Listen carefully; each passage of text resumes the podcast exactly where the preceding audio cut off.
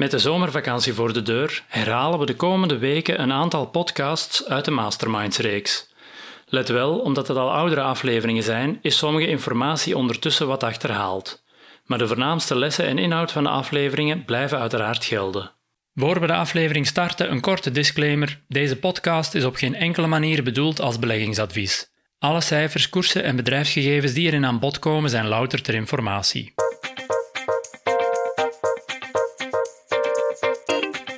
Welkom bij Masterminds, een podcast van Inside Beleggen en Trends. Ik ben Jeff Boortmans.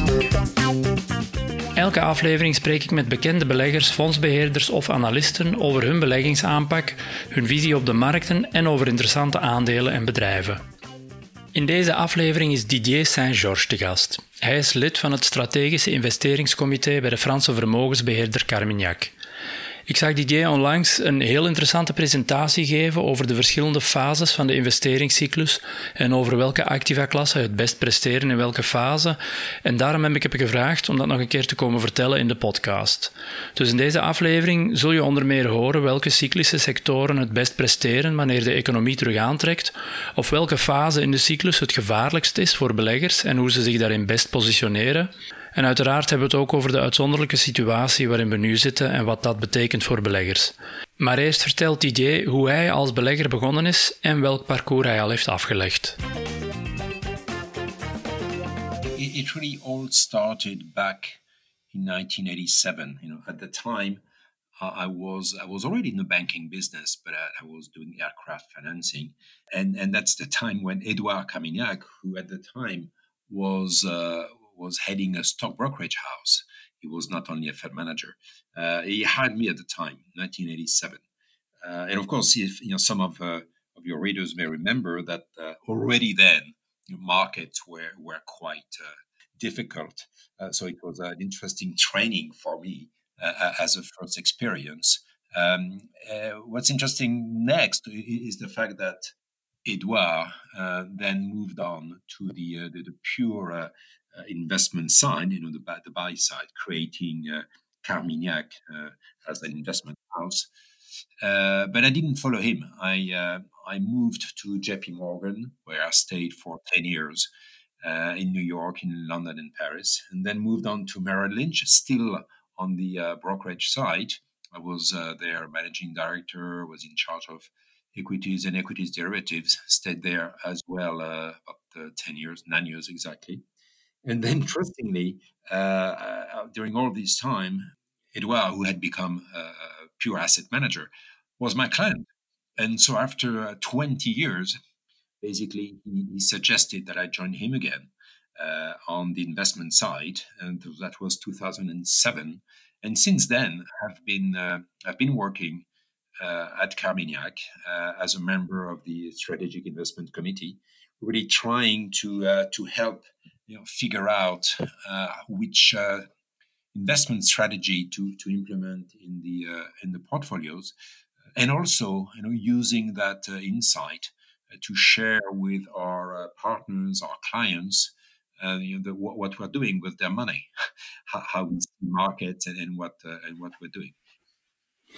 Yeah, and when I hear 1987 and then 2007, 2008, I mean, quite some yeah crucial years uh, in in investment uh, in investment terms.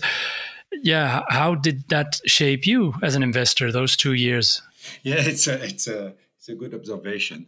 Uh, probably it it helped me understand that uh, when you want to perform over the long term there are lots of things which we, we will know about uh, alpha generation and uh, uh, portfolio construction and, and, all these nice things.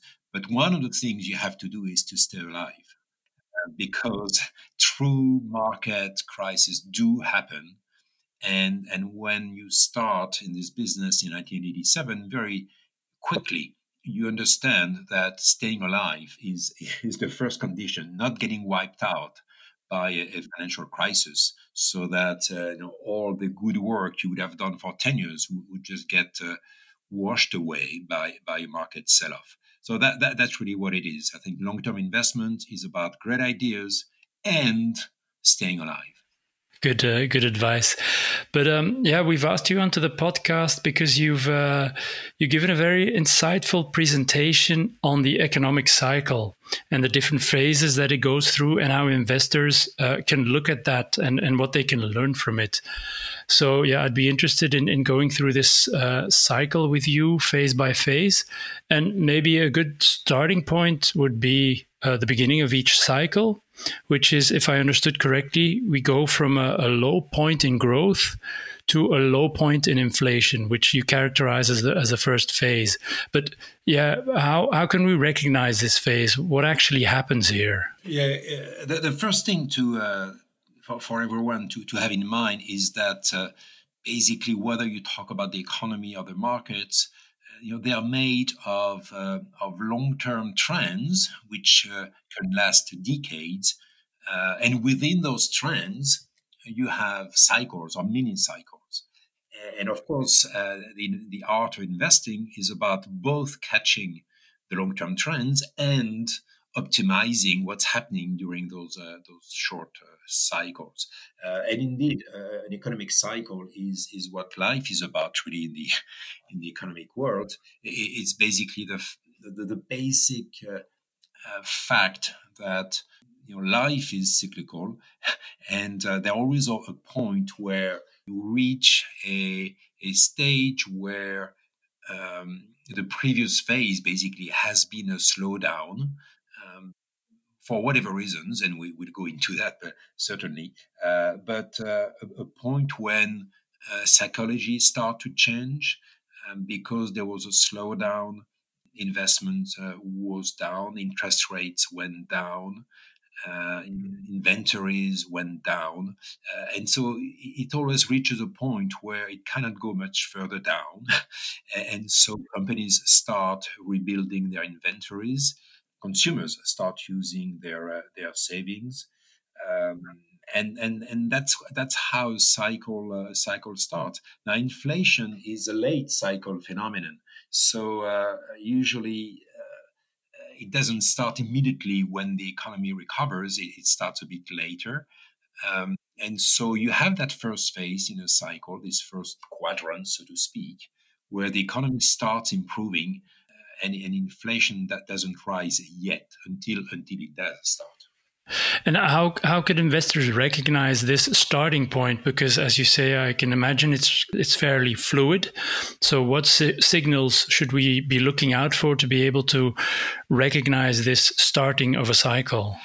Um, it, it's interesting because you, you can be an economist and and you try to recognize a cycle using that uh, economic data. So what, what's happening, as I was uh, alluding to, um, looking at uh, inventories and the behavior of companies, the behavior of consumers, and, and so on. Or you're an investor, and not of course, you, you listen to what your economists are, are saying and, and starting to anticipate, but you look at the market, and, and it is one uh, one lesson you you learn from uh, uh, you know a few decades on markets, which is that markets are pretty efficient, and you always have to be careful to pretend that the market doesn't know that the market is is stupid, because actually one of the signals that you are entering that first quadrant of economic recovery is when cyclical stocks start outperforming defensive stocks. uh, that is something which uh, uh, basically you, you watch the market, you listen the market telling you that the internal dynamics, you know, the sector rotations start taking place. So you, you the, the market starts sniffing that, that the recovery is in the making. Then you check with your economist whether you know, he would tend to agree, and little by little, you, uh, you, you get the confirmation that this is a train that is starting from the station and that you want to catch. Uh, what would typical examples of these cyclical stocks be? What sectors are we talking about? The the sort of uh, early uh, cyclical uh, stocks you know, would be consumer stocks and uh, and construction stocks typically um, in industrial stocks because they're, they're really the one that kick off the economic uh, the rec- economic recovery. Um, we will come in a second, I'm sure, uh, in the next stage of the recovery where you want to buy late cycle sectors. but really, consumer and, and, and construction are uh, are quite usual uh, sectors you, you want to be positioned in at the beginning of a cycle.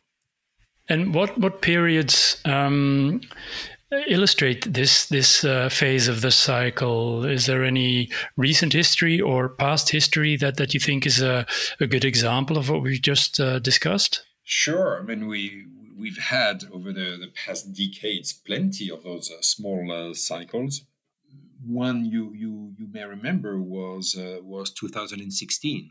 After three or four months into 2016, that that's when uh, you know the, the economic recovery uh, started to improve after the uh, the slowdown of 2015. Uh, inflation was was still uh, very low. Interest rates are still very low, but you could see already you know cyclical um, sectors on the equity side you know starting to outperform. And then, uh, as you say, the, the the cycle is kicked off in this phase. And then, um, what what happens next if we go on to the second quadrant? Um, I, I, presume your growth is is picking up, uh, and inflation. What is what is inflation doing in this second quadrant of uh, of the cycle? It's it's all about momentum. Uh, the the cycle, uh, the recovery, uh, you know, tends to to build on itself. Uh, a lot of people are sort of jumping on the on the bandwagon, basically. Uh, and, and, as demand uh, increases, as uh, investments uh, uh, increase, clearly supply, you know, has a bit of a hard time matching demand. Um, so, you know, typically that that's when commodity prices start to rise. There's just a, a, a, you know, a need for adjustment of supply to demand. So that, that that's logical that uh, inflation would, would start picking up. If really the economy gets uh, gets really a nice momentum, um, then you can get something more uh, more tangible in the way of salaries. You know, people will, will basically uh, consider that. Uh, uh, yes, production is growing, so employers need more more staffing, and uh, and therefore employees are in a position to, to ask for uh, you know, higher higher wages. So that, that that's typically uh, when inflation starts, which, as you know, is uh, is also the time when central banks you know start uh, sort of waking up and uh, and and say uh-uh, you know inflation is nice. Um, but we've got to make sure we keep it in control. So into that that second part of the recovery, you know that that's when uh, central banks will will start uh, uh raising rates, uh, trying to to keep control of the of the momentum. And I heard you I heard you mention um, late cycle uh, equities and then also commodities. Are these then the, the two asset classes? to look out for in, in this cycle and what are what are good examples of, of, of these two yeah absolutely you know that uh, as i mentioned uh, commodities tend to you know, take a bit of time to adjust the supply to the demand. So that, that's when commodity prices go up. A bit of inflation and a lot of growth is, is of course a good setup for equities. So you want to be in equities in that in that you're, you're still in a growing phase really. So uh, you, you want to be in equities and, and of course sort of inflation assets is the place to be. Uh, there are plenty of examples of that. You, uh, I was mentioning 2016 uh, minute earlier as a, a, good example of a you know beginning of a ta- economic takeoff of a mini cycle. In 2017 was, was exactly the follow through. If you remember, that's when uh, commodity prices went up. Uh, in in that time, for instance, copper price went up 30% in, in 2017, uh, and the Fed started to to raise rates. Uh, a, a good example, of course, is is right now or I should say the past six months. You know, that, that, that that's typically what you would call a, a second phase of a recovery when uh, when you start seeing inflation uh, uh, inflation signal in the economy and central banks uh, usually waking up at that time. And of course, what's very interesting uh, this year around is that if it were a normal uh, situation, central bank today would tighten. Uh, but it's it's uh, and and that would be another discussion probably. Uh, but what's very interesting right now is that we're getting those inflation signals. We're getting a very strong recovery. We are typically in that second phase of the of the cycle, but but central banks are saying we will uh, we will delay the, the tightening, and so it remains a, a, an extremely uh, favorable market for equities. And is that also usually the phase when we start, maybe towards the end of it, hearing more and more um, rumors of overheating? Is that a, a, good signal? Exactly. Overheating is is exactly that. That's when the strength of the uh, economy is such that you're getting a lot of uh, tension on the on the supply side, uh, and it generates uh, uh, it generates inflation. And it's exactly to avoid this overheating that that normally central banks do raise rates at that time, as it did back in uh, in 2017. Um, so that we, we are today in the overheating uh, stage, but the central banks are saying let's run it hot. It's uh, it's all right. Yeah, we can come back in a minute in into the unusualness of, of, of this of this cycle right now. But maybe as you yeah you just came to describe, so we we're going towards this phase of overheating of high growth, and then normally, if things were normal.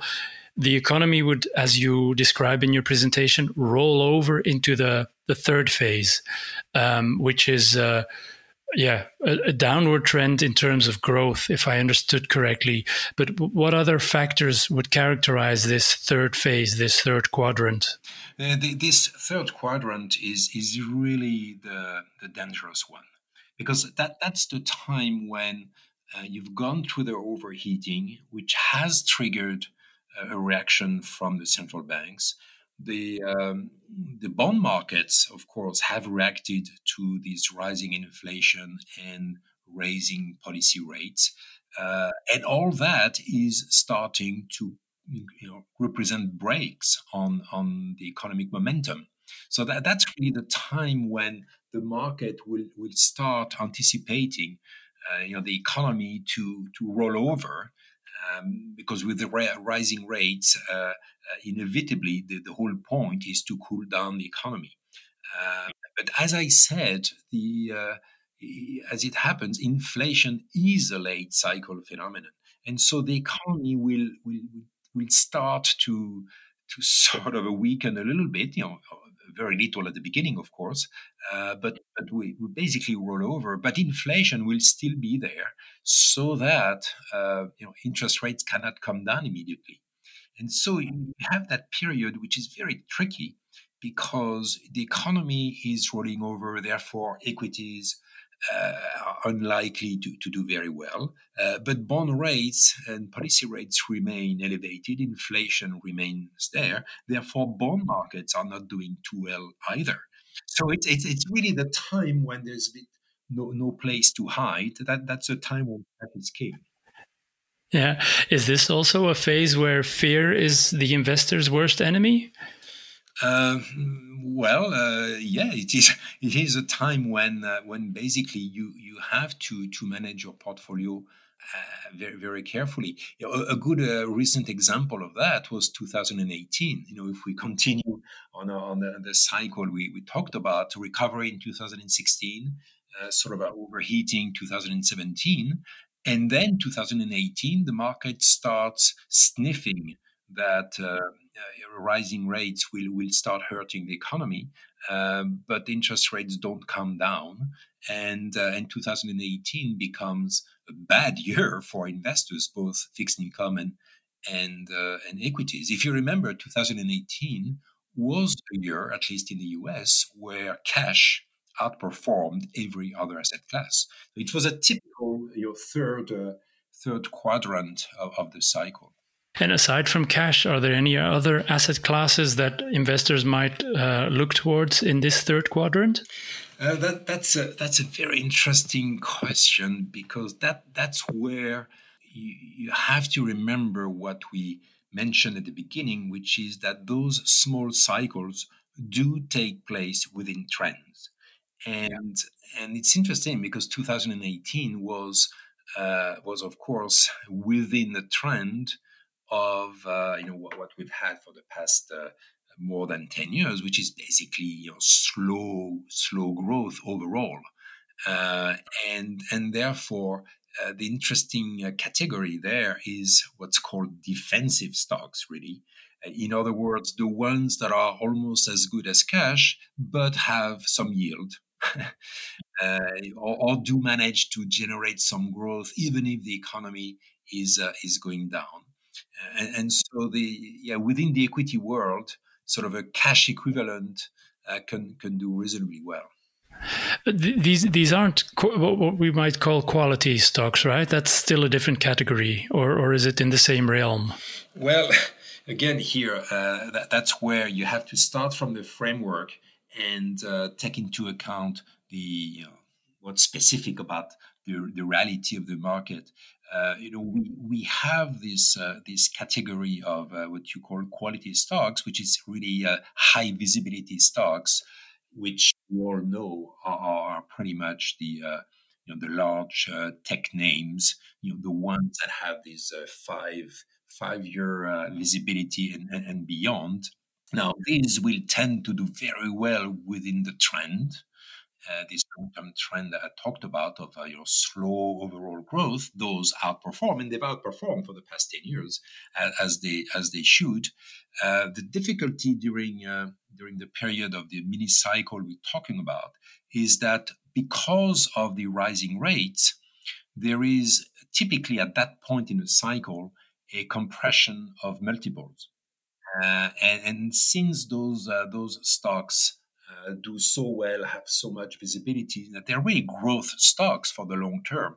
They tend to try to to, to trade on, on fairly high valuations. And therefore, even if there's nothing wrong with them, you know, they, they, they will tend to, to struggle uh, both in the second and in the, in the, third stage of the cycle, simply because they they suffer from a, valuation compression um, which, by the way, and I'm sort of uh, spoiling the, the, the, the, discussion here, but you can already uh, uh, you know, anticipate what will be the next idea. Because if you get these really high quality names that only temporarily suffer from a compression of their earnings multiple of their valuation, and it means that at one, you know, sooner than later, um, because they've retained their growth potential, uh, they, they will get revalued, and, and, that will be in the next stage of the cycle. That's where we are, are coming to. So, at the end of this third quadrant, you reach a, a high point in inflation, and we're still in a slowdown in growth and then then we go towards the the beginning of the cycle again then if if i were to describe it correctly so yeah when looking at this last phase of, of the cycle what, what's what's typical about that one well, that, that, that one is is uh, is a lot easier to to manage uh, because basically you have a slowdown. The slowdown continues, but because inflation is not rising anymore, because interest rates went up, finally inflation peaked and then started to come down, and so it's it's a it's a much easier period to to manage because you have a slowdown with falling interest rates, and uh, and so number one of course, it's a good period of the cycle for bond investors. That, that's when they do, they do very well. Uh, that's a typical slowdown. So the, the, most recent example, really compressed, was the the first uh, trimester of, of last year. Of course, you know when you get a very big uh, very big slowdown, you want to be in bonds. But as we touched on just earlier, in the equity side, you know, despite the fact that the economy uh, goes down, because interest rates do go down as well, and because valuations were compressed in the previous stage of the cycle, then those high quality, high visibility stocks that we, we touched on, then they do very well too. You know, they, they benefit from the fact that finally interest rates do, do, do go down. So that, that's a period when uh, you want to be in bonds and in the uh, you know, these days you would call you know, the large the large tech names, which is you know very much what, what happened last year. And um, are there any other sectors that you might uh, describe as defensive, uh, but defensive growth? Or uh, the, the, thing is that you your bond proxies will do well. You, know, you, you want to be anything that, that looks like a bond, um, so uh, you, you, get a lot of uh, sectors in that respect, you know, utilities and and so on. Uh, the, the, the big advantage of the you know the growth stocks um, which was not, uh, of course, 20 years ago. Uh, you didn't have uh, you know, as much the you know, the Amazon, Google, and Apple, and, and the rest of it as you know, high visibility, high quality names. But today you do, so that you don't have to take just bond proxies. Here you have much better than bond proxies. You have bond proxies plus growth, and, and of course those type of names will will do extremely well, which, uh, as we know, is what happened last year. And pricing power is that also a very important element to look out for in this in this uh, cycle? Well, pricing power is uh, is going to be uh, very useful in the uh, previous quadrant. You know, the the one when you still have inflation, uh, but the economy is slowing down. So the what I called the uh, you know the dead zone. Uh, and, and, here, uh, you know, typically economically, uh, the the companies that do suffer rising costs, but can pass them on to their clients because they have this pricing power. They, they, they manage to, to defend their, their margins. So economically, they, you know, they, they, they keep doing very well. The, the, problem is that from a market standpoint, that's not necessarily uh, reflected in the performance of the other stocks simply because of what we mentioned, which is uh, you know multiple compression when uh, when you are at that stage. So it's it's like a it's like a spring that you compress. You know those type of stocks they, they underperform, whereas economically they are doing extremely well. Uh, and and if you look again, if you consider we we are today uh, in in a period when uh, you have this inflation, um, you know, building up. Economically, you look at the you know, Google, Facebook, and the rest of it; they are doing extremely well. But it doesn't really pay in terms of market performance um, because you get you, you, get this multiple compression. And and I, I, would I would argue that when we reach the stage where the economy rolls over uh, then then they, they will uh, they will very strongly outperform because economically they, have remained very strong yeah as you, as you mentioned um, we're currently yeah, so to speak, in the in the second phase where we go uh, from a, low inflation point to a higher growth. The U.S. is a bit more advanced than Europe, but I mean both both economies are are more or less in that phase.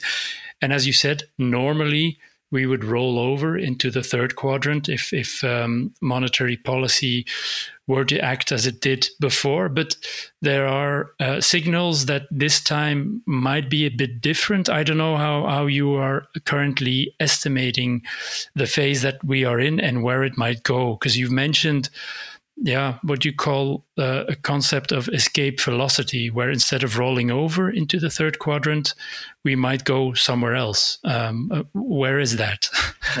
yeah, that that that's the that that's when you move from uh, uh, you know the technique to the art, because once you have that framework, you know it's all very well to have a framework, but uh, but of course life is is not nicely uh, separated in, in, in four quadrant which you can exactly time.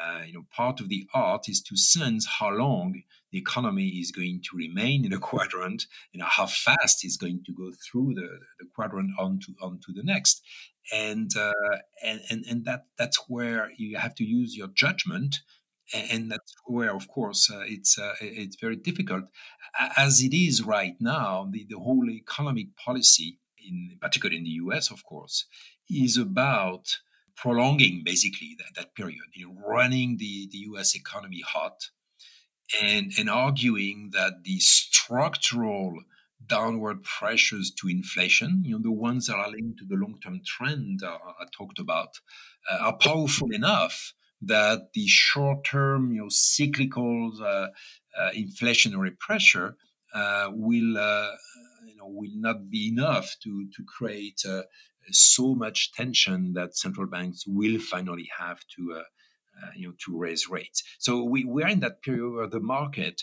uh, does believe what central banks are telling them. which is basically you know the economy will keep growing and inflation will not get out of control. And as long as the market believes that, it becomes you know sort of a self uh, self reinforcing. Uh, and, and, so we were kept in that uh, in that, uh, that second quadrant.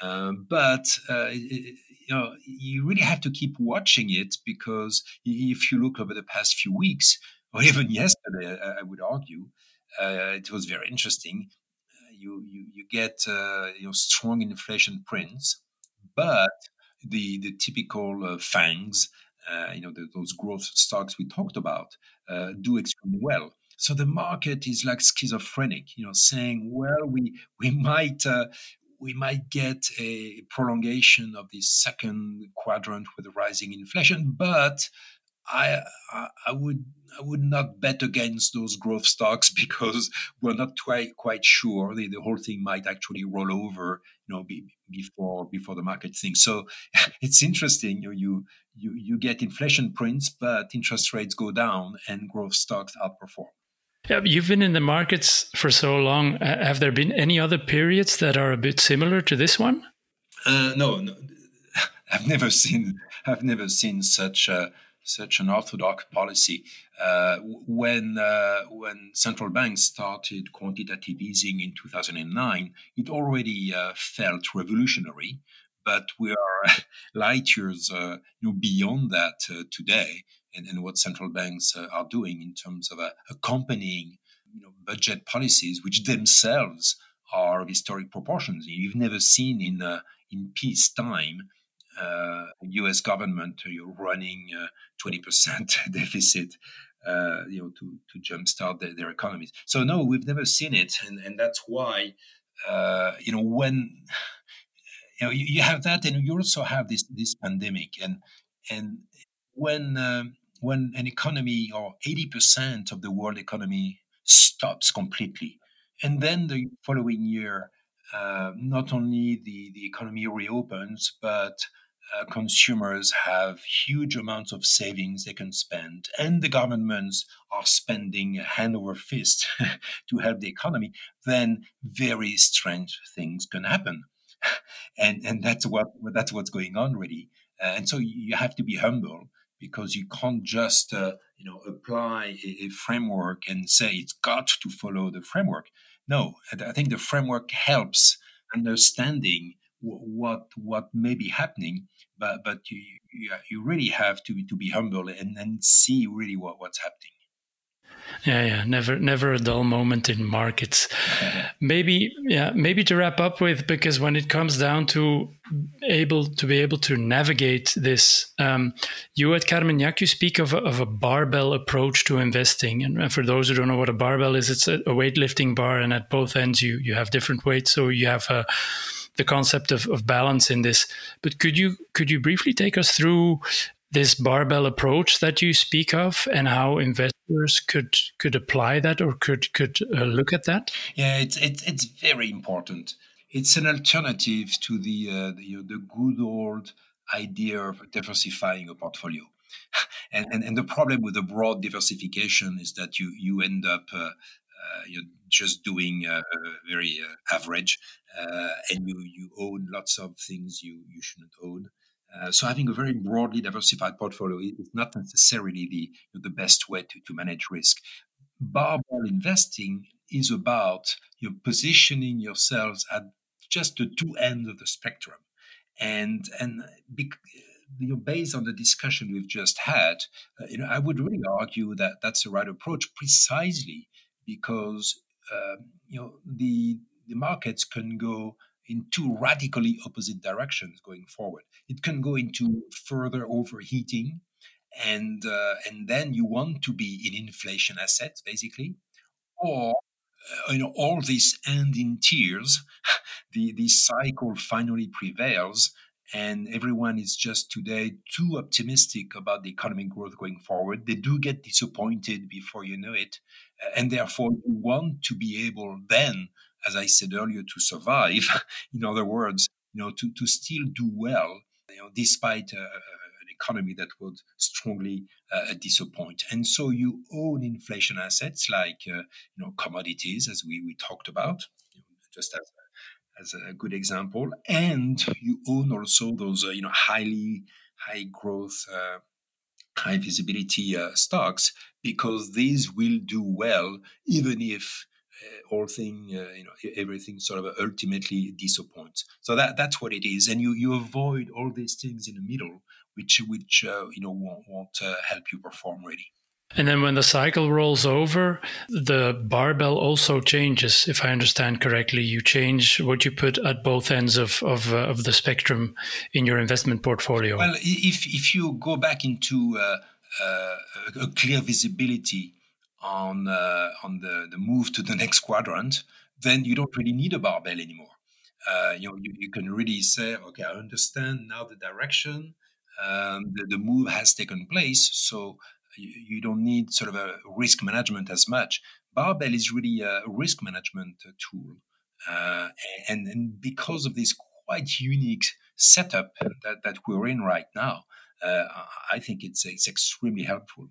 Yeah, it's a, a very insightful and um, yeah, visual aid also for for investors. But um, yeah, it was uh, very interesting in hearing your your views on on the markets and how you approach investing in in these uh, strange times. So, thank you very much for for your insights and your time. Thank you for your interest. Tot zover deze aflevering van de Masterminds podcast. Bedankt voor het luisteren en aarzel zeker niet om hem te delen met familie, vrienden en kennissen en om een recensie achter te laten via uw podcast-app.